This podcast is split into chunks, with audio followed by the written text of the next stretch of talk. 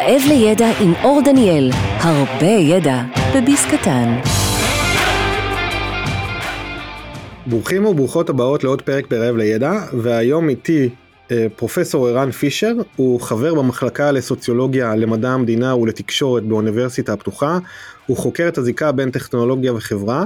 אה, אנחנו נתמקד בידע אלגוריתמי אה, בעקבות ספר שלו שקראתי שנקרא חושבים בשבילך, שאני ממליץ מאוד. ולפני זה אני אשמח פרופסור שתציג את עצמך קצת. אהלן, אז אני סוציולוג בעצם במקור, שנקלע להיות חוקר תקשורת, זאת אומרת הנסיבות של החיים ושל האקדמיה, אה, כתבתי את הדוקטורט שלי על, על מה שקראתי אז השיח הדיגיטלי, אה, זאת אומרת השיח שנולד בשנות התשעים ודיבר על טכנולוגיות דיגיטליות ועל האינטרנט ומה זה יעשה, וניסיתי להבין את האידיאולוגיה שמסתתרת בשיח הזה, או את המימדים ה... זאת אומרת ראיתי בו לא רק שיח שהוא אובייקטיבי שמתאר את המציאות, אלא גם שיח שיש בו כוח להבנות את המציאות, ושיש לו קשר לפוליטיקה ולתמורות שהן לא אה, בהכרח רק טכנולוגיות, כמו תמורות בשוק העבודה, תמורות בקפיטליזם. זהו, והיה עניין גדול מהצד של לימודי תקשורת ומדיה בעבודה הזאת, ומצאתי את עצמי במחלקה בעצם של אה, תקשורת. מאז נכנסתי לזה הרבה יותר אה, לעומק, נאמר, לחקור את התקשורת עצמה, או את ה... האמת שאני פחות חוקר תקשורת במובן של תוכן, ויותר מה שנקרא חוקר מידיה. זאת אומרת, להבין את הטכנולוגיה עצמה, איך היא עובדת, ואיך היא מספקת תנאים מסוימים לתקשורת. אז אני חושב שזה שילוב, אתה יודע, מאוד ייחודי. כלומר, חוקר שבמקור הוא סוציולוג, שמגיע לחקור לא אה, רק את התוכן עצמו אלא בעצם את הטכנולוגיה עצמה ואת ההשפעות שלה. כן זה לא אתה יודע אני מצטרף פה למסורת ארוכה לא, לא, לא נכביד על המאזינים אבל מסורת ארוכה שכבר קיימת בתוך לימודי תקשורת שבאמת מתרכזת בחומריות של המדיה באופן הפעולה של המדיה ומנסה לזקק את תנאי ההיתכנות לתקשורת.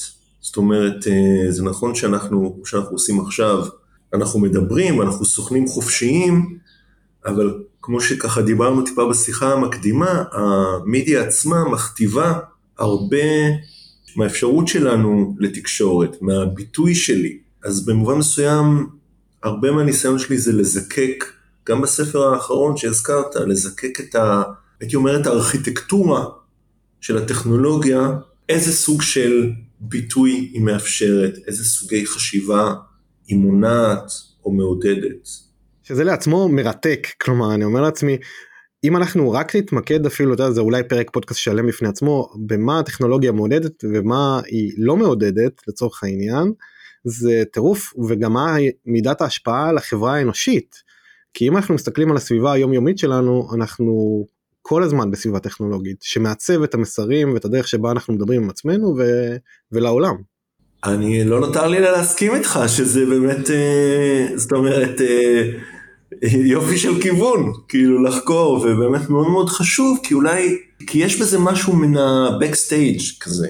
זאת אומרת, אנחנו באמת, אתה יודע, כש, כשהתחלתי להיות, נקרא לזה חוקר תקשורת, אחד הדברים הראשונים ש, שעשיתי, היה להסתכל על רשתות חברתיות, על פייסבוק, ולהגיד, או בעצם להציע איזושהי צורת הסתכלות אחרת, במקום להסתכל על זה כאמצעי תקשורת, כי זה האופן שרוב המחקר עוסק, זאת אומרת, איך אנשים מדברים, ו-hate speech, ושיח פוליטי, וכלכלת הלייקים וכל הדברים האלה, במקום זה התחלתי להסתכל על זה כאמצעי ייצור. בעצם אמרתי, רגע, כמו שלפורד היה מכונה שייצרה מכוניות, יש לנו פה איזושהי מכונה, הסתכלתי על זה יותר בכיוון אה, כלכלי. בעצם שאלתי מה הכלכלה הפוליטית שמחזיקה את הדבר הזה. באופן יותר ספציפי שאלתי איך נולד ערך בפייסבוק. זה היה בדיוק כשפייסבוק אה, הונפקו בבורסה, אתה יודע, הם הונפקו באיזה מספר, לא רק שאני לא זוכר את המספר, אני אפילו לא זוכר אם זה היה טריליון או זיליון או זאת אומרת משהו אגדי כזה. אמרתי, מאיפה הערך הזה? מה, מה המשמעות של הערך הזה? ושם נולד הרעיון אה, או הייתי אומר התחברתי למסורת שמדברת על עבודת הקהל, על האופן שבו הקהל עצמו הוא לא צרכן של מידיה, במובן של לצרוך, של to consume זה, זה לכלות משהו. אתה לוקח ערך, אתה לוקח תפוח שיש לו ערך קלורי, ואתה מכלה את הערך הזה. אלא להסתכל על זה בצורה יצרנית, להגיד, אנחנו בעצם עובדים בפייסבוק. פייסבוק זה מפעל שמה שהוא מייצר זה לא תקשורת, מה שהוא מייצר זה דאטה, מה שהוא מייצר זה נתונים. הנתונים האלה זה הלחם חוק של המערכת הזאתי, שבאמצעות אה, אלגוריתמים, פייסבוק יכולה לתרגם את הנתונים האלה לידע שהוא בעל ערך. אני קצת מקדים את ה... הייתי אומר, זה השלב לפני העבודה הנוכחית, לפני הספר הנוכחי, כי בעבודה הקודמת באמת, זאת אומרת, ניסיתי להבין את, ה, את הכלכלה הזאת, את האופן שבו אנחנו מעודדים אותנו לבוא לעבוד, האופן שבו יותר ויותר מהחיים שלנו מתקיימים, אפילו היחסים הכי אישיים ומשפחתיים, מתקיימים על גבי פלטפורמות שהן פרטיות, שיש להן תשוקה בעצם לא רק לאסוף נתונים, ואולי אחרי זה נדבר בעצם על המונח הזה של נתון, כי נתון הוא לא נתון בעולם, צריך לייצר אותו. אז התשוקה שלהם, האופן שבו הן מכוונות לייצר נתונים, או לאפשר לנו כל הזמן לייצר נתונים, בעצם זה שאנחנו חיים. אז יש פה גם הרבה עניין של אה, איך החיים עצמם הופכים להיות מקור לערך כלכלי. אבל אחרי שגמרתי את ה... נגיד את שורה של עבודות בעניין הזה של הכלכלה הפוליטית של, אה, של סושיאל מדיה, של מדיה חברתיים, שבהם אנחנו, אנחנו היצרנים, אנחנו העובדים, שאלתי את עצמי, איך הם עושים את זה? זאת אומרת, יש את התשובה הפשוטה, כאילו, מה זאת אומרת? יש להם מלא מלא מלא נתונים. אנחנו יודעים את, על, ה, על הרעיון הזה של ביג דאטה והכמויות והדייברסיטי של הנתונים, ויש להם מכונות חישוב מטורפות, אה, והטכנולוגיה מאפשרת לזהות שם דפוסים מתמטיים בכל, ה, הנתונים האלה, ובעצם אה, לתרגם את זה לידע ולסוג ידע שאולי הכי חשוב במערכת התקשורת הזאת, במערכת המדיה הזאת, זה ידע עלינו, על המשתמשים. זאת אומרת, אולי אחד ה, אחת הדרכים באמת לאפיין את, ה, את המדיה החדשים, את המדיה הדיגיטליים, את ההבדל שלהם מהמדיה הישנים, שבמדיה הישנים באמת זה אנחנו צפינו במדיה. במדיה חדשים בצורה הרבה יותר בולטת והרבה יותר משמעותית, זה המדיה שצופים עלינו, זה שמכירים אותנו. אבל כדי להכיר אותנו, הם צריכים איכשהו אה, לדעת אותנו. מכאן התחלתי לשאול, הייתי אומר, איך אלגוריתמים רואים אותנו, רואים במרכאות כפולות, באמצעות נתונים. אתה יודע, אחד המושגים המרכזיים בספר הוא ידע אלגוריתמי. שזה בעצם קצת קצת תיארת אותו עכשיו אבל מה זה אומר כי אנשים שבאים מעולם הארגוני ומעולם הלמידה הם מכירים הרבה סוגים של ידע. ידע אלגוריתמי הוא לא מוכר להם. איך היית מסביר להם במשפט מה זה בדיוק ומה ההשלכות הוא על היום יום שלנו? כן, בדיוק, זאת אומרת, גם, גם לי זה לא היה מוכר, בגלל זה יצאתי לחקור את זה, אבל התפיסה הבסיסית שלי הייתה, זה ש, שיש שם צורה חדשה להבין את העולם.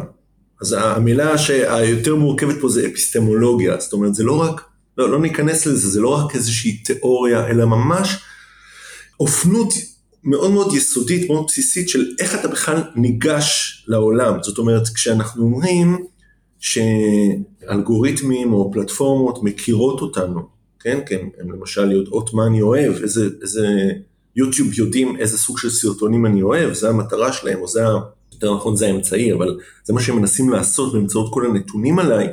מה זה אומר להכיר אותי? מה זה אומר להכיר בן אדם? עכשיו, את השאלה הזאת צריך לשאול בכל סוג של ידע, גם בידע קליני או בידע בין אישי, כשאני ואתה נפגשים, אנחנו מייצרים ידע אחד על השני, אנחנו תופסים, יש לנו איזו תפיסה אחד על השני, ש... בסדר, זה די אינטואיטיבי, אבל אפשר להתחיל לפרק את זה ולשאול איך אני משתמש בשפה שלך כדי להכיר אותך, איך אני משתמש במימדים אה, דמוגרפיים בשביל לקטלג אותך במקום מסוים. אז מה שניסיתי להבין זה באמת איך הידע האלגוריתמי עובד. עכשיו, אתה יודע, אני, אני קצת קשה לענות על זה, אני מתנגד לענות על זה במשפט, כי, אתה יודע, אה, אני עובד על זה כבר איזה שמונה שנים או משהו כזה, קצת יותר אפילו, לא, שבע שנים, ועכשיו הוצאתי ספר על זה, אז, אז ל, ל, זאת אומרת, אם היה לי משפט אחד להגיד, אז הייתי, אתה יודע, לא הייתי, מוציא, לא הייתי עובד כל כך הרבה, או לא הייתי מוציא ספר שלם, אז אולי זה יתפרס לאט לאט תוך כדי השיחה, אבל כן, אני דווקא אתחיל במשמעות של זה, או במשמעות ש, שאני רציתי, או בהשלכות, הייתי אומר, של המכשיר האלגוריתמי הזה, אולי תרשה לי להקדים במילה אחת. האלגוריתמים, יש המון המון שימוש באלגוריתמים בעולם, בכלל יכול להיות שהיה אפשר לקרוא לזה AI, מכונות חישוביות. מה שעניין אותי דווקא כחוקר תקשורת, או ההתמקדות שלי כחוקר תקשורת, הייתה בוא נסתכל על האלגוריתמים שמוטמעים בתוך, בתוך מדיה חברתיים, בתוך האינטרנט, ושיש להם ממשקיות מאוד מאוד גבוהה עם משתמשים. זאת אומרת, מה שעניין אותי זה באמת, אני קראתי לזה אלגוריתמים ממשקיים. זאת אומרת, אלגוריתמים שמנסים לפענח את המשתמש, ובעצם מה שהם מפיקים עבורנו זה לא את הידע עלינו, אלא את התוצרים של הידע. זאת אומרת, כשיוטיוב מציעים לי, או שנטפליקס מציעים לי איזה סרטים אני עשוי לאהוב, הם לא מציגים לי את הניתוח עליי, הם לא מציגים לי את... ככה אנחנו תופסים את הטעם שלך בסרטים, אלא הם מציגים לי פשוט את הסרטים עצמם. ואולי הטענה המרכזית שלי זה שמה שהאלגוריתמים האלה עושים יותר ויותר, כמובן שהם לא מחליפים אותנו, אבל הם יותר ויותר חושבים עבורנו. הם חושבים בשבילנו, אבל ברגע שהם חושבים בשבילנו והוא אומר לי, אתה יודע מה, אני חושב שאתה צריך לראות את זה, או שאתה צריך לצרוך את זה, ואתה נחשף אך ורק לזה, אוקיי? למידע הזה. ואז הם סוגרים אותי בתוך לולאה רק של הדברים שאולי ספציפית היה באותו הקשר של פעולות שביצעתי במכונה הזאת, ואז אני כלוא אולי לעד בלולאה של ידע שרק שאני נחשף אליו. כאילו מה שקורה הם משפיעים עליי, על, על מי אני בסוף ובהתפתחות שלי, כי אני לא נפתח לעוד דברים. הם כולאים אותי, לא? אני כאילו, זה, זה ההשפעה פה היא מפחידה בקנה מידה גם גדול. הדבר שאתה מציין, העניין הזה של הפידבק לופס האלה, או יש כאלה שקראו לזה אקו צ'מברס, בהקשר אחר טיפה, אבל זאת אומרת, אני מנסה, אתה צודק בקשר לתופעה, או לאיך שזה נראה בעולם, אבל אני מנסה לחדד שם היבט מסוים, וזה שהרבה מהחופש האנושי שלנו, כי מה שאתה מתאר זה חופש, זאת אומרת, החופש זה לא לעשות מה שעשיתי אתמול, לא להגיד, אני יודע מי אני, אני אוהב לצפות רק בסרטים מז'אנר מסוים, אלא מה שמאפשר לנו להיות מחר אנשים טיפה שונים, או אחד הכלים האלה, יש הרבה כלים, אחד מהם זה באמת אפילו chance. למשל, הם מבטלים את העניין הזה של מקריות, ושל, למרות שאתה יודע, הם מנסים, אה, הרבה מה, מהמכשירים האלה מנסים להכיל בתוך האלגוריתם עצמו את העניין הזה שהם קוראים לו serendipity. Serendipity זה איזה משהו שפשוט קורה לך במקרה, אבל הוא, הוא, הוא נראה לך כאילו, וואו, איזה מזל שהכרתי את הסרט הזה, הייתי צריך להכיר את הסרט הזה, טוב שנתקלתי בו. הם מודעים לבעיה הזאת של הפידבק לופ, ומנסים להכניס אותה לתוך האלגוריתם עצמו. אבל אני מדבר על משהו אחר, על אזור של חופש שנמצא בתוך התודעה שלנו, ושאני קורא לו בספר סובייקטיביות. וזה המרחב הזה שבין להכיר את עצמך, לבין, הייתי אומר, לבקר, לעשות ביקורת על הידיעה הזאת. זאת אומרת, וזה מרחב שהוא היסטורי, שהוא נולד בתקופה מסוימת בהיסטוריה האנושית, ושהיו מעורבים הרבה מכשירים, זאת אומרת, פחות או יותר בנאורות, פחות או יותר בחלק השני של האלף הקודם, אה, ואפילו אפשר להגיד בשלוש מאות השנים האחרונות, איזשהו מרחב פנימי, שבו אנחנו לא רק יודעים לייצר ידע על עצמנו, אלא אנחנו יודעים לעשות ידע מסדר שני, ולשאול, נגיד אני אומר לך, אני מת לקנות אה, נעלי נייקי. זה, זה, זה כן, נכון? אני כן, אני אומר לך, אני באמת, יש לי איזה תשוקה, אני כל כך רוצה לקנות את זה. אבל עכשיו אני יכול לעשות משהו נוסף, אני יכול לשאול, רגע, מאיפה באה מאיפה בא התשוקה הזאתי? למשל בתור חוקר תקשורת אני יכול להגיד, כן, התשוקה הזאתי נולדת כתוצר של מערכת כלכלית אדמיניסטרטיבית מאוד משומנת, שמייצרת בי את התשוקה הזאת. זאת אומרת, אז אתה מתחיל לשאול את עצמך, האם זה שאני רוצה או קניתי נעלי נייקי, האם זה תוצר של בחירה חופשית, האם זה תוצר של חופש, של אותנטיות, או שהאותנטיות הזאת עצמה היא משהו שנכפה עליי מבחוץ, שהייתי מעורב בייצור שלו, ושנכפה עליי ושהנדסו אותו בעצם. אז הייתי אומר, אני מתרכז נורא בשאלה הזאת של חופש. וחופש זה לא משהו שהוא ניתן לנו, אותנטיות זה לא משהו שאתה, אה, הייתי אומר, אה, מגיע אליו. אתה גם מציין אבל גם בספר אם אני אני מקווה שאני לא הורס את זה אבל אתה מציין גם בספר כלומר את ההשפעה של מה שאתה מתאר על החופש ועמידת החופש ההשפעה על החופש גם על הסובייקטיביות של עצמנו. אז ההשפעה אחד על השני גם ש, שמה שקורה זה גם אנחנו הרבה במקרים מסוימים אנחנו לא יודעים כמה החופש שלנו נפגע. אנחנו לא יודעים אה, בוודאות את כל ההשפעות הפסיכולוגיות שקורות לנו אה, וההשפעה על הסובייקטיביות שלנו. אה, יכול להיות שאני טועה אבל זה מה שאני הבנתי. כן. אני חושב שיש לנו מודעות מסוימת לזה דווקא. זאת אומרת אנחנו כן רואים, אתן לך דוגמה נורא נורא פשוטה אני חושב שממחישה את זה. אנשים יודעים שהמערכת עובדת ככה, אנשים יודעים שהמערכת הזאת שנטפליקס רואה אותם. הם יודעים שהיא אוספת מלא מלא נתונים, והם גם, הייתי אומר, יש להם אינטואיציה שבעיניי היא נכונה אגב, שהמכונות האלה הן יודעות הרבה, הן יודעות להגיד הרבה דברים, הן לא טיפשות, אבל יש להם, לכולנו את הרגע הזה שבו אנחנו אומרים, למה זה מה שהוא מציע לי? או למה זאת הפרסומת שאני מקבל? זה מה שהוא חושב עליי? אתה יודע, כשאחד מאנשי המקצוע שראיינתי, שעובד בתחום הזה, אה, אמר לי, כשאני מתחיל לקבל המון אה, פרסומות לעורכי דין של גירושים, אני מתחיל להיות מודאג. אולי יש משהו בחיי הנישואים שלי שמתערער ואני לא יודע על זה. זאת אומרת, אז יש איזשהו, הייתי קורא לזה, יש איזשהו מרחק ביקורתי, אתה יודע, בינינו לבין נטפליקס, בינינו לבין ווייז uh, אפילו, נכון? אנחנו משתמשים בווייז, לא תמיד מאמינים לזה עד הסוף. ובכל זאת, אבל, אבל זו דוגמה טובה גם, גם אם אנחנו לא מאמינים לו, אנחנו נפעל לפיו, בווייז גם, נכון? גם אם אנחנו רגע לא בטוחים ואנחנו נפעל לפי מה שהוא אומר. כן, אז יש פה, אז, אז א', יש פה אלמנט של, הייתי אומר, זה לא אפס ואחד. כן. בסדר? זה, אתה לא צריך, אתה יודע, הרבה פעמים אנשים אומרים לי, כאילו, אבל זה לא עובד כל כך טוב, וזה, כאילו, אני אומר, מה, כאילו, גם בחיים שלנו, אתה יודע, אני לא יודע מה, אנחנו חיים בעולם של נגיד ציונים. נותנים ציונים מ-0 עד, עד 100. מה, אנחנו מאמינים בזה באלף אחוז? לא, כאילו, כולם יגידו לך, מי, מי מאמין בזה באמת? אף אחד לא באמת מאמין בזה. אבל אנחנו חיים כאילו שזה נכון, כאילו ש-90 ו... לקבל 93 זה יותר טוב מלקבל 87. ככה אנחנו חיים בתוך העולם הזה. אז המערכת הזאת היא לא צריכה להיות פרפקט כדי שהיא תשפיע. והיא משפיעה גם כשאנחנו לא עד הסוף מאמינים. עכשיו, אחת הדרכים שהיא משפיעה זה פשוט שהיא... כמו שאמרת, היא בילט אין לתוך החיים שלנו. זאת אומרת, אני מפעיל את, ה, את היוטיוב שלי, ואתה יודע, אני נותן לו לרוץ, אין לי כוח להתעסק עם זה, יש לי מכשיר שבוחר בשבילי. אז לפעמים הוא יותר מצליח, אפשר לחשוב, גם לפעמים אני בוחר שיר ו- ואני לא מצליח. אז הכישלון במרכאות כפולות של המערכת לפעמים לטעות, זה, זה נראה לי, בסדר, אז מה?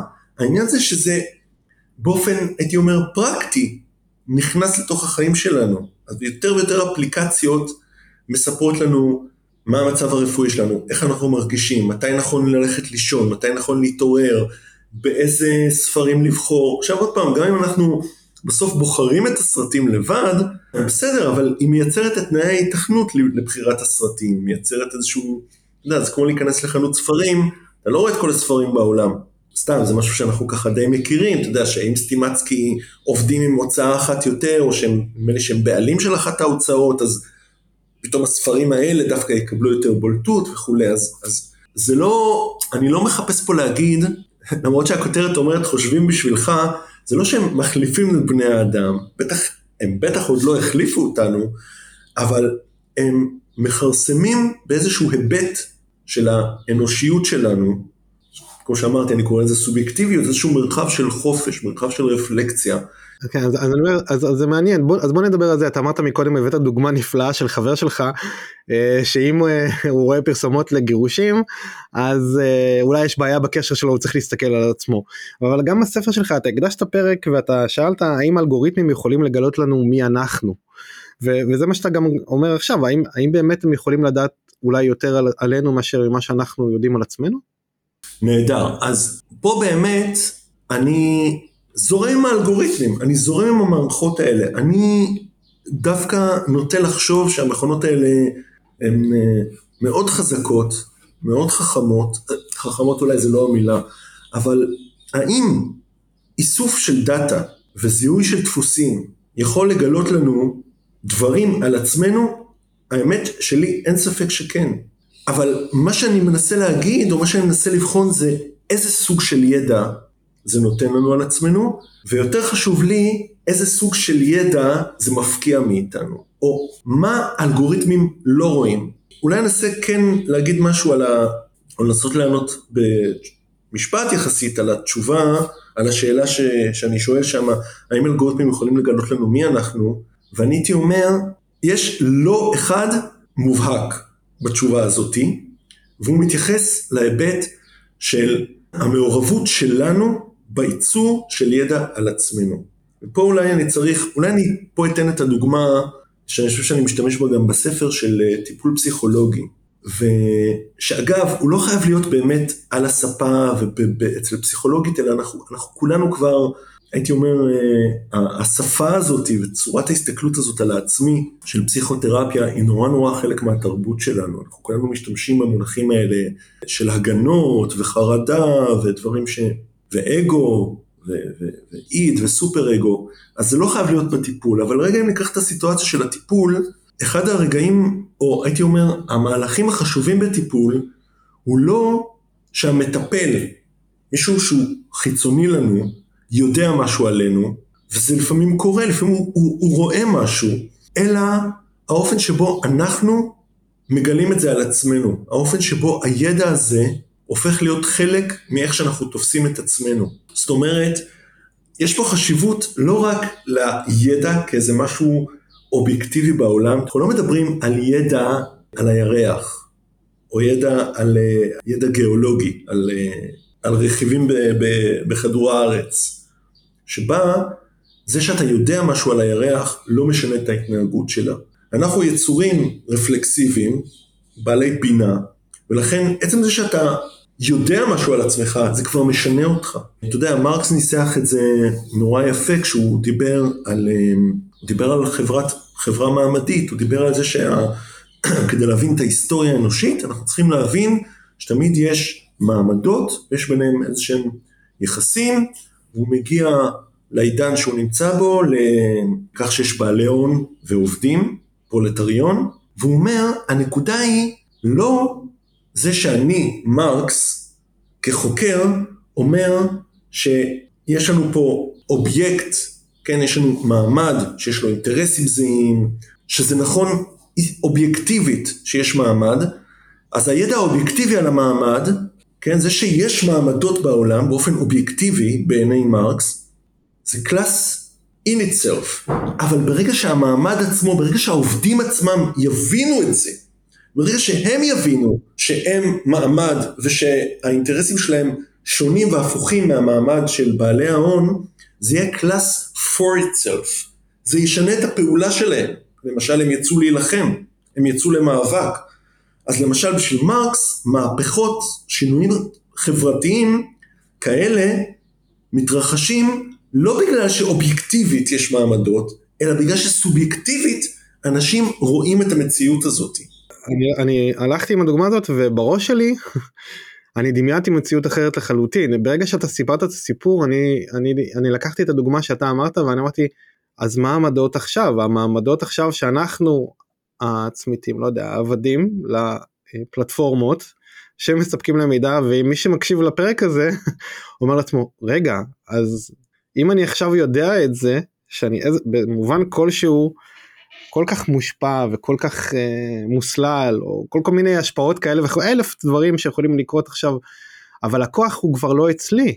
אולי אני עובד אני עובד גם כמו שאמרתם כאן אני עובד אצל פייסבוק אני עובד אצל הפלטפורמות האלה אבל אתה יודע, כאילו אני דימיתי את זה ממש למה שתיארת עכשיו ואני אומר את עצמי, קודם כל המלחמה קרובה, דבר ראשון, דבר שני, אני עובד אצלם, אבל מה התמורה שלי, כלומר, מה, יש כאילו תמורות שונות, אני יודע אה, לחשוב עליהן, אבל האם התמורה שווה יותר ממה שאיבדתי? כלומר, כי זה מה שאתה גם אומר מקודם על הלא, על הידע, מה, מה הידע האלגוריתמי לא, אה, לא מכליל, ואז מה אנחנו מאבדים.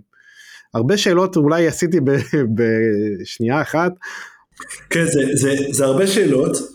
אני אנסה, אם אני אזכור, כי זה, זה, יש שם שתי שאלות בעיניי ממש ממש, קודם כל, תודה לך על זה, אני אף פעם לא חשבתי על זה ככה. אה, אני הייתי אומר דבר כזה, אם אנחנו, אתה יודע, העבודה שלי באופן הכי צנוע בעולם, והייתי אומר כאיזה ייצוג לעצם זה שאנחנו מדברים עכשיו על הדבר הזה, זה בדיוק, זה בדיוק מה שאנחנו עושים, אנחנו מנסים לשנות את המציאות באמצעות שינוי התפיסה שלנו של המציאות. אז אני, אני הייתי אומר, זה לא דטרמיניסטי, זה לא שאנחנו, גם אם אתה תופס, אם אנחנו היום תופסים את עצמנו כמשתמשים, שהולכים ובעצם נותנים, משחררים חלק מהיכולות האנושיות שלנו, חלק מהחופש שלנו, מהחירות שלנו, למכונה שתשלוט בנו, אז עצם זה שאנחנו יודעים את זה, יכול לגרום לנו לעשות מעשה. אה, יכול למשל, אה, אתה יודע, אנשים עושים דברים, לא, לא, דווקא לא כפרטים, אלא כקולקטיב פוליטי, זאת אומרת, אה, כשהתחלנו להבין שכל מה שאנחנו עושים נשאר ברשת, אז האיחוד האירופי הוציא חקיקה שמאפשרת למשתמשים בעצם לתבוע מה שנקרא the right to be forgotten, כאילו הזכות שלנו למחוק דברים מהרשת. אז זה לא דטרמיניסטי, ואם אנחנו הולכים ומפקיעים חלק מהחירות שלנו למכונות אלגוריתמיות, אז גם אפשר להתנגד לזה. אז אתה אומר שהמלחמה קרבה, הייתי אומר, אי אפשר לדעת. זה שיש מעמדות לא אומר שתהיה מלחמת מעמדות. כדי שתהיה מלחמת מעמדות, או שתהיה, שיהיה מאבק, צריך באמת להיות הכרה ב, ב, ביחסי הכוח האלה ואיזשהו רצון באמת לשנות את זה. עכשיו, השאלה הנוספת שלך הייתה לגבי התמורה, ואני אני טיפה אשנה את השאלה, האופן שבו אני מדבר על חירות וחופש מתייחס לאיזושהי היסטוריה אנושית שבה באמת חירות וחופש ואותנטיות והיכולת שלנו לחיות חיים כמו שאנחנו רוצים גם כאינדיבידואלים וכקולקטיבים, היא היסטוריה די חדשה בהיסטוריה האנושית. וזה לא מחויב במציאות, אני לא אומר שזו תכונה אנושית להיות חופשי. אפשר להיות אנשים לא חופשיים, ואפשר להיות, אתה יודע, אפשר להגיע עד למטריקס ולהיות אה, סוללה ב, בחיים של של מערכת טכנולוגית. אז אין פה איזה, זאת אומרת, כן, אני חושב שאנחנו מוותרים על היבט מסוים של חופש. אגב, יש חוקרים שחושבים ש... אתה יודע, שגם זה סוג של חופש, אנחנו לא צריכים לחשוב כל הזמן מה אנחנו, אלא שיש מכונה שאומרת לנו. החופש מלבחור. כן, כן, כי, כי חיים של חופש הם חד משמעית, זה לא חופש במובן של וקיישן, זה לא חופש של, של כיף, זה תביעה בעצם להגיד מי אתה, זה תביעה להיות מוסרי, זה תביעה כל הזמן לשאול, לשאול איך, איך להיות בעולם, גם כלפי עצמי, גם כלפי אחרים. אה, אתה יודע, אם אתה חי בחברה דיקטטורית, דיקטטורה מושלמת, אין לך חופש ואין לך דאגות, זאת אומרת, אבל אה, בסדר, זה, יש לי פה איזושהי תפיסה מאוד מאוד נורמטיבית לגבי מה זה, מה זה חיים אנושיים ואיך צריך לחיות אותם, ואני חושב שהרבה פעמים התפיסה שלי גם נתפסת, ואני רואה את זה אה, כמאוד שמרנית במובן הזה, כן? זאת אומרת, אני לא הולך עם הטכנולוגיה כאילו ועם הקדמה, כי אני רואה בה איזשהו איום על דברים שלי הם מאוד מאוד חשובים, כמו באמת הרפלקסיביות הזאת והחשיבה הביקורתית, זאת אומרת, החשיבה על החשיבה. אז האם יכול להיות שאנחנו הולכים לאזורים שבהם דרגות החופש שלנו יקטנו, או האם, האם זה שדרגות החופש שלנו יקטנו זה אומר ש... זה בהכרח אומר שאנשים יתקוממו? ממש לא, ממש ממש לא. אני מניח, אני מניח שזה תלוי באיזה טכנולוגיה אנחנו מדברים ומה התפקוד שלה. אני אתן, אני אתן דוגמה אה, כללית, כן, הכניסה עכשיו AI למוצרים שלה או כל מיני דברים וגם יש לה כל מיני יישומונים שאתה, אני בטוח שמוספים את המידע, נגיד שאני עושה כושר, אני מסמן שעשיתי כושר וכדומה וכנראה ייתנו המלצות רפואיות אה, בהמשך גם עבורנו אתה יודע ייקחו מאיתנו איזה שהם בחירות של הנה אתה צריך לראות רופא כזה כדאי לך בגלל הרקע הרפואי או אתה יודע וזה בסדר כלומר איפשהו זה בסדר יכול להיות שגם מתישהו יהיה שימוש שזה לא יהיה בסדר כן יגידו לי שאולי לא יודע מה אני צריך uh, להפסיק עם המתוק ולהחליט לי מה לאכול, ש, שזה גם בסדר מצד אחד, ומצד שני חס ושלום שתיקחו ממני את העוגיה בבוקר עם הקפה. אבל uh, אתה נתת דוגמה uh, בספר גם לטכנולוגיות שאתה יודע לא, לא רק פייסבוק אתה יודע פייסבוק אתה יכול לבחור להיות לא להיות או כל מיני זה אבל יש, יש כאלה נגיד נתת דוגמה של פיפל קיפר שהיא מערכת טכנולוגית שעוזרת למשתמשים לעשות אופטומיזציה לחיים החברתיים שלהם. להחליט עם מי להיפגש, מתי להיפגש וכדומה. ואני די מניח שדברים כאלה יקרו ככל שהיומנים שלנו ישתכללו. אתה חוקר טכנולוגיה מנקודת מבט אחרת אה, של ההשפעה על המין האנושי, כן? הרבה, והשפעה של הטכנולוגיה כטכנולוגיה. ואני אומר, מערכת כזו שתחליט לי עם מי להיפגש וכדומה, ובסופו של דבר תקבע את החיים החברתיים שלי, היא בהכרח קובעת מי אני. היא בהכרח קובעת איך יראה היום יום יום שלי, ו- ואני שואל את עצמי, אתה יודע, הבאת את הדוגמה הזאת, זו דוגמה מאוד יחסית קיצונית של, של טכנולוגיה, ו- ומה שאני מנסה, ומה שאני מנסה לשאול, זה בעצם את הראיית העתיד שלך לגבי הטכנולוגיה. איך הטכנולוגיה אה, שתמשיך אני מניח להתקדם ולהשפיע ולאסוף עלינו מידע ולשקף עלינו מידע, איך אתה רואה את העתיד שלה, שלנו כחברה אנושית?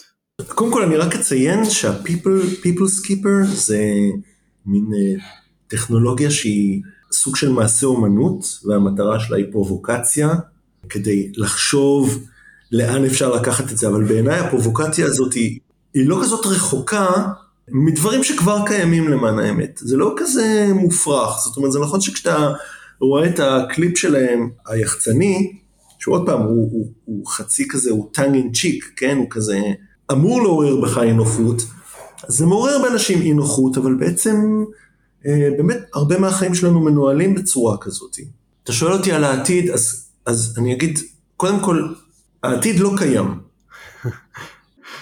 כן, זאת אומרת, יש לי, יש לי איזו תפיסה שהזמן בכל זאת הולך קדימה, ואין עתיד, זה לא שיש עתיד שאני צריך לחשוף, אלא העתיד נוצר עכשיו על ידי נסיבות שחלק, שאומנם יש לנו, יש לנו כמין אנושי גבולות מה אנחנו יכולים לעשות בעתיד, אבל יש הרבה הרבה אפשרויות, ואתה יודע, לכל אקציה יש ריאקציה.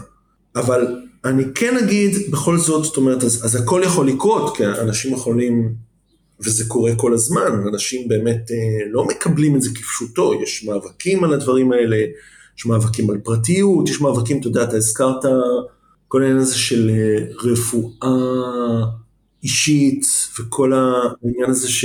נכון. אתה יודע, זה מעלה המון המון שאלות נורא נורא מורכבות. זהו, האתיקה פה הולכת להיות uh, בעיה מאוד גדולה כמעט בכל סוגי הטכנולוגיות, כי אם מסתכלים רגע גם אחורה, לא רק קדימה בעתיד שעדיין לא נברא, אלא אם מסתכלים אחורה על פייסבוק למשל, פייסבוק אמרה, אתה יודע, חלק מה... בהתחלה היה הרבה הבנה שהנה עכשיו הדמוקרטיה תתאפשר, כל אחד יצטרך להביע את הדעה שלו, כן. אה, והנה זה פלטפורמה נהדרת לחיזוק הדמוקרטיה, ובסוף זה הפוך.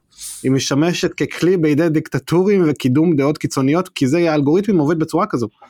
אז, אז הנה, הנה, אה, אתה יודע, תזכורת מעולה למה מיבועים כאלה הם, הם ממש, מה שצריך, כאילו, צריך להבין, אסור לעשות אותם בצורה כזאת, של להגיד מה יהיה בעתיד, אבל בכל זאת אני כן אנסה לעשות את זה, אבל אני רוצה להזכיר אה, דווקא משהו שאני חושב שהוא הוא, הוא מעניין, כי השינויים פה, קראת לזה אתיקה, אני אפילו אקרא לזה פוליטיקה.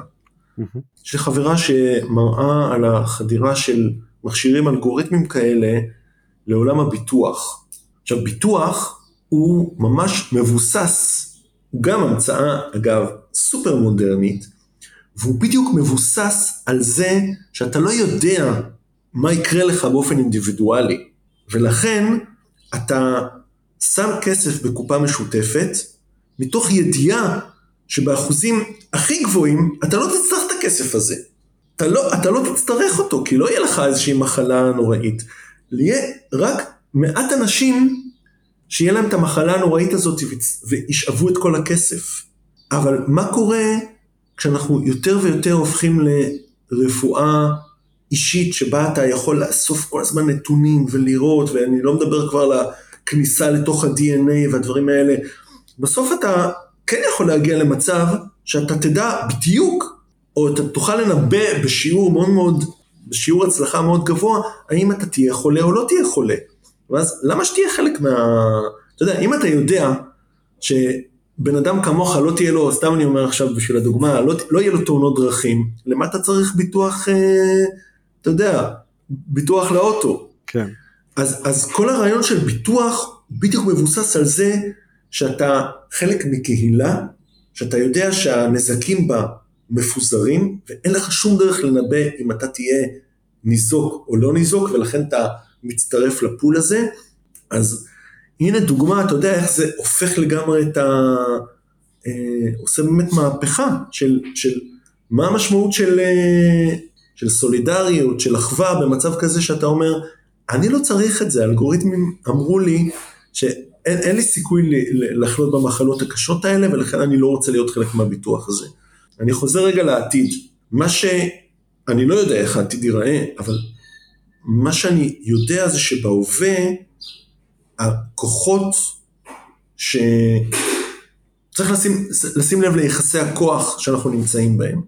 ויחסי הכוח הם כאלה שיש לנו, אתה יודע, הזכרת את, ה, את החלומות, את הפנטזיות לגבי הדמוקרטיזציה של המרחב הזה, שנקרא אינטרנט. והיום אנחנו נמצאים במצב שיש לנו כמה חברות, זה לא, זה לא מונופול וזה לא דואופול, אבל זה, זה באזורים האלה, חברות שאני אגיד את זה ככה, בעצם מה שהן יודעות לעשות, אף אחד אחר לא יודע לעשות, אפילו לא מדינות, בגלל שכל ההתרחשות, כמעט כל ההתרחשות האנושית, מתרחשת אצלן, על הפלטפורמות. אנחנו, לא, אני אגיד את זה בסוגריים, אחד הדברים שכתבתי עליהם לפני הספר הזה, זה בדיוק העניין הזה של מצד אחד, כל המידע הוא חופשי, כן, אנחנו באינטרנט הכל חופשי, גם חינמי, אבל כל המידע שנוצר מהמידע, שזה מה שאנחנו קוראים נתונים, זה לא חופשי, אין לך מה לעשות עם זה, זה לא שלך, זה של החברות האלה. לא רק שאין לך נגישות לזה, כי להם יש נגישות, אתה יודע, גם למידע שאתה מייצר ושאני מייצר ושכל המאות מיליונים או מיליארדים של אנשים מייצרים, לנתונים, והם היחידים שיש להם את המכשירים, את מכשירי החישוב, את המחשבים, שמסוגלים לאבד כמויות כאלה של מידע, של נתונים, שמסוגלים לייצר אלגוריתמים. אז אנחנו בעצם מפתחים מין אוליגרכיה טכנולוגית. זהו, אנחנו כבר שם, מטורפת, ואם מישהו ירצה להגיד לי, תקשיב, אפשר להתנגד, אפשר, זאת אומרת, זה לא כזה דטרמיניסטי, אני אשאל אותו בתור סוציולוג, נגיד, פוליטי או סוציולוג שעם, עם רגישות פוליטית, איפה, איפה אתה רואה את הכוחות הפוליטיים שימנעו מזה להתרחש? אנחנו רואים כמה קשה לנו כבר עם דברים שהם, אתה יודע, אנחנו מדברים על משהו כמו פרטיות, אני לא מזלזל בעניין של פרטיות, אבל הנזקים של, פרט, של אה, חתירה כנגד הפרטיות, שנגיד הזכרנו שה-EU ניסה להתנגד להם ומנסה כאילו לייצר כל מיני להגביל את החברות האלה בנתונים שהם יכולים לאסוף וכולי וכולי, זה כאין וכאפס לעומת היכולת באמת להשתמש ב-AI כדי לכוון את, ה, להכווין את ההתנהגות שלנו. אז אם אתה שואל על העתיד, אני שואל איפה הכוחות הפוליטיים שהתנגדו לדבר הזה, איפה אנחנו רואים את זה, ואני לא כל כך רואה את זה. אני אגיד עוד הערה אחת שהיא חשובה לי, זה שהרבה ממה שהשיח גם שהחברות האלה מקדמות ושאנחנו לדעתי אוכלים, מחליקים לגרון בצורה קלה מדי, זה שיש יחסים, שהיחסים הם בין החברה לבין המשתמש. בעניין של הפרטיות, שולחים לך את החוזה של הפרטיות, אתה מסכים לזה, כשאנשים מתלוננים על, לא יודע מה, על דברים ברשת, או על אה, למה הילדים חשופים, אומרים, אוקיי, אז אתם כהורים תשגיחו על זה. אז אתה תשתמש פחות בוואטסאפ. הכל נורא, יש מה שנקרא הפרטה של האחריות. זה כאילו אני מול גוגל, ואם זה אני מול גוגל, אני אומר לך שאנחנו מפסידים. הדרך היחידה להתמודד עם הדבר הזה, זה להבין שהטכנולוגיות האלה הן חברתיות. זה נכון, אתה הזכרת את זה, זה נכון שאני יכול לבחור כאילו אם להיות חלק מפייסבוק או לא, אבל האמת זה לא נכון, זה נכון כמו להגיד, אתה יודע, אתה יכול לבחור שלך, זה, אתה צריך פה לשאול מה דרגות החופש שלך. אתה יודע, אתה יכול לומר, אתה יודע מה, אני לא רוצה לדבר עברית, לא יודע מה, פתאום קונים את העברית, עושים איזה trademark וזה עולה כסף. מה המחיר שלו לדבר עברית בשביל מישהו שזה השפת אם שלו? אז מה המחיר של מישהו שחי בעולם הזה לא להיות בפייסבוק? לא, מה שאתה אומר הייצוג הדיגיטלי שלנו שם בעצם, זה העולם. כן, אתה חלק מהעולם, אתה לא יכול לא להיות חלק מהעולם. כן. כן, אתה יודע, כשאנשים מדברים איתי על פרטיות, אני אומר להם, ו- ועל הזכות להישכח, אני אומר להם, זאת אומרת, זה, זה נכון באמת לרוב האנשים, בטח לאנשים יותר צעירים, כששמים את השם שלך, מחפשים אותו בגוגל, מה זה אומר אם לא מוצאים? אתה יודע מה זה אומר? זה משהו, זה freak of nature, זה, זה אומר משהו לא טוב, בטח אם אתה איש מקצוע, שמים את השם שלך בגוגל, אתה רוצה שיעלו מיד לכל הפודקאסטים ולכל העשייה שלך, כי כל, ה... כל עולם העבודה הפך להיות כזה, שאתה צריך להיות מאוד מרושת, מאוד מאוד בחוץ, זה עבודה פרויקטלית, שאנשים צריכים לראות את העבודות הקודמות שלך וכולי וכולי. מישהו כמוני בטח, אני רוצה שימצאו את המחקרים שלי, זה. זה המטבע שלי, כאילו. אז הרעיון הזה שאני יכול לבחור באופן פרטי, אני אגיד שזה באמת, זה אולי מבחינה נומינלית זה נכון, אני יכול לבחור להיות ברשתות או לא, זה לא, זה לא, זה, זה לא רציני להגיד את זה. אז פרופסור אנחנו מגיעים לקראת ה, את הסוף של הפרק קודם כל מאוד נהניתי אני אבל אני כן שואל אה, בכל פרק בגלל שמתעסקים פה באנשי למידה תהליכי למידה זה מעניין לראות את החשיבה של אנשים שונים ומעניין לדעת איך אתה לומד משהו חדש. אה, וואי, זו שאלה ממש ממש טובה וממש ממש כיפית, לא כי אתה יודע, ברור שמישהו שהוא חושב, אז הוא גם באיזשהו שלב חושב על עצמו ומה גרם לא לעשות דברים מסוימים. אני חושב, אם אני מסתכל, אתה יודע, כבר יש לי מספיק שנים להסתכל אחורה על, על הצעדים שעשיתי, ואני חושב שזה תמיד היה, אולי אני אגיד במשפט אחד משהו על, על הפרויקט החדש שלי, ואז זה ממש ממש יבהיר את זה. אז תמיד אני חושב לקחת איזה משהו, כשעשיתי את העבודה הזאתי, על הספר הזה שאנחנו מדברים עליו, על אלגוריתמים, חשבתי על הפלטפורמות האלה, כמו שאמרתי לך, לא כ... לא מה יש ב front end, זה שהן מציעות סרטים. נטפליקס זה פלטפורמה של סרטים. אמרתי, לא, לא, לא, לא. זה מכונה לייצור ידע. זו מכונה שלוקחת נתונים ומתרגמת אותם לידע. ופיתחתי את הרעיון הזה של, בראש שלי, כן, וגם בספר אני חושב שזה בא לביטוי, של פלטפורמות כמכונות לייצור ידע. ואז שאלתי את עצמי, אתה יודע, זה מכונות באמת, אה, מי שקצת קורא על זה, ואני חושב שכל אחד, זה כאילו, זה די מדהים מבחינה טכנולוגית, זה פשוט, זה mind blowing. אתה יודע, שלא ישתמע שאני, אה, כאילו, הסיבה שאני כל כך מפחד מהדברים האלה זה כי אני לוקח את זה נורא ברצינות, כי, כי הם ממש טובים, זה דבר די מדהים. אבל אז שאלתי את עצמי, האם זה באמת איזה קסם דיגיטלי, כמו שאנחנו חיים בו, או שאני יכול ללכת היסטורית למדיה הרבה יותר פרימיטיביים, קוט אנקוט, הרבה יותר פשוטים, וגם לראות בהם מכונה לייצור ידע. כי סתם, אחד הטריקים שאני עושה כשאני, דווקא בגלל שאני עוסק בעולם הדיגיטלי, זה לנסות אה, להתנגד לדיכוטומיה הזאת של, לעניין הזה של מהפכה, כן? זאת אומרת שהיינו עד עכשיו באיזה עולם אנלוגי ואנחנו בעולם דיגיטלי ויש מהפכה. להתנגד כאיזה, לא, לא, לא לאמירה הזאת, אלא להתחיל מאיזה, להגיד רגע, רגע, רגע, לשאול על זה שאלות בקיצור. אז לעשות איזו היסטוריזציה תמיד. אז למשל, הפרויקט הבא שלי היה בדיוק לקחת את המחשבה הזאת, ללכת למדיה מאוד מאוד פשוטים, לדף הנייר למשל. האם דף הנייר, או הרשימה, או הכרטיסיות, שאנחנו השתמשנו בהם פעם, לפני מאות שנים אפילו, האם זה רק אה, מידיה שבעצם אפשרה לנו לרשום משהו שאנחנו כבר, יש לנו בראש, זאת אומרת לקחת ידע מהראש ולשים אותו על הנייר, או שיש משהו באופן שבו המידיה עצמה, הדף עצמו מעוצב, שמכתיב לנו צורות ידע מסוימות. אז רק עוד פעם, במילה אחת להגיד את זה, הפרויקט הבא שלי הוא על יומני פגישות, יומני פגישות לא דיגיטליים. איפה שאנחנו כותבים, אתה יודע, בשעה תשע יש לי פגישה עם אור, מקליטים פודקאסט וכולי וכולי. ואני אגיד ממש במשפט אחד, אני חושב שיש שם משהו מאוד מאוד דומה למה שקורה בעולם הדיגיטלי. אנחנו רושמים נקודות דאטה, אנחנו רושמים נתונים, כל דבר כזה הוא נתון, אבל יש משהו באופן שבו היומן מאורגן, כן, השבוע, הפיזיות של זה, הגרפיות של זה. למשל, כשאני מסתכל על השבוע, אני במבט אחד יכול להגיד לך אם יהיה לי שבוע עמוס, לא עמוס, אם אתה יודע, אם יש לי יום חופשי, איך, איך השבוע שלי נראה, זה מארגן לי את הזמן. אז בעצם, אני מסתכל על זה כמכונה שמלמדת אותנו איך לנהל את הזמן, איך לארגן את הזמן, היא כופה עלינו צורות הסתכלות מסוימות וכולי. אז רק לחזור לשאלה שלך, בדרך כלל אני חושב שאני תמיד נשאר עם איזה שאלות כאלה לא פתורות מהפרויקט הקודם, ואז עושה שיפט, ואומר, אוקיי, אז אני, אני הולך למשהו חדש לגמרי. לוקח איזה חוט כזה קטן של מחשבה ומנסה לרוץ איתו קדימה. לא יודע אם זה עונה על השאלה האמת, אבל uh, אני מקווה. אז מה שאתה אומר בעצם, אתה עושה מחקר. כלומר, ברגע שאתה נשאר עם שאלות פתוחות, אתה...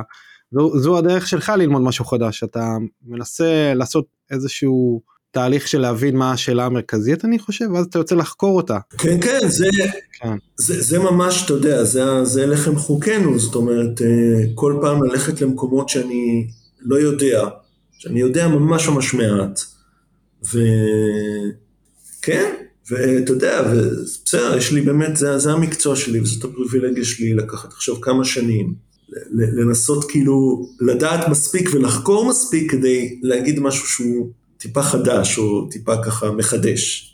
זה נפלא, תודה רבה על הזכות uh, ללמוד ממך, אני מקווה מאוד שנהנית. תודה לך, היה, היה נפלא, ואמרתי לך, השיחות האלה זה תמיד uh, איזה דרך להסתכל מחדש על מה שאתה עושה, אז כן, גם ככה, גם פה זה קרה, מבחינתי, זה כיף. אז תודה רבה פרופסור ולכל מי שמאזין אה, אני ממליץ בחום לקרוא את חושבים בשבילך וכמובן יש יש עוד ספרים נפלאים אה, ספר אני חושב קודם שלך הוא קפיטליזם בעידן התקשורת הדיגיטלית ועכשיו אתה עובד על פרויקט נוסף שייצא אני מניח גם בקרוב בפרסומים שונים. אה, אני אשים גישורים לפרסומים של פרופסור פישר בפרטים של הפרק תודה רבה שהאזנתם. אה, ואל תשכחו כל אה, מידע או, או תהליך שאתם עושים זה הופך להיות נתון אז uh, תדעו גם איך זה ישפיע עליכם ונתראה בפרק הבא להתראות. רעב לידע, פודקאסט בו אור דניאל מביא נגיסי ידע בעולמות הלמידה, הטכנולוגיה והיזמות. לומדים מארכיטקט למידה שעשה קריירה מללמוד. הצטרפו לחוויה שלא רק תעשיר את חייכם, אלא גם תיתן לכם את הידע, כלים, כישורים ומיומנויות להצלחה. מי שלומד, גם נהנה וגם מצליח. תוכן מבית לרנטק.co.il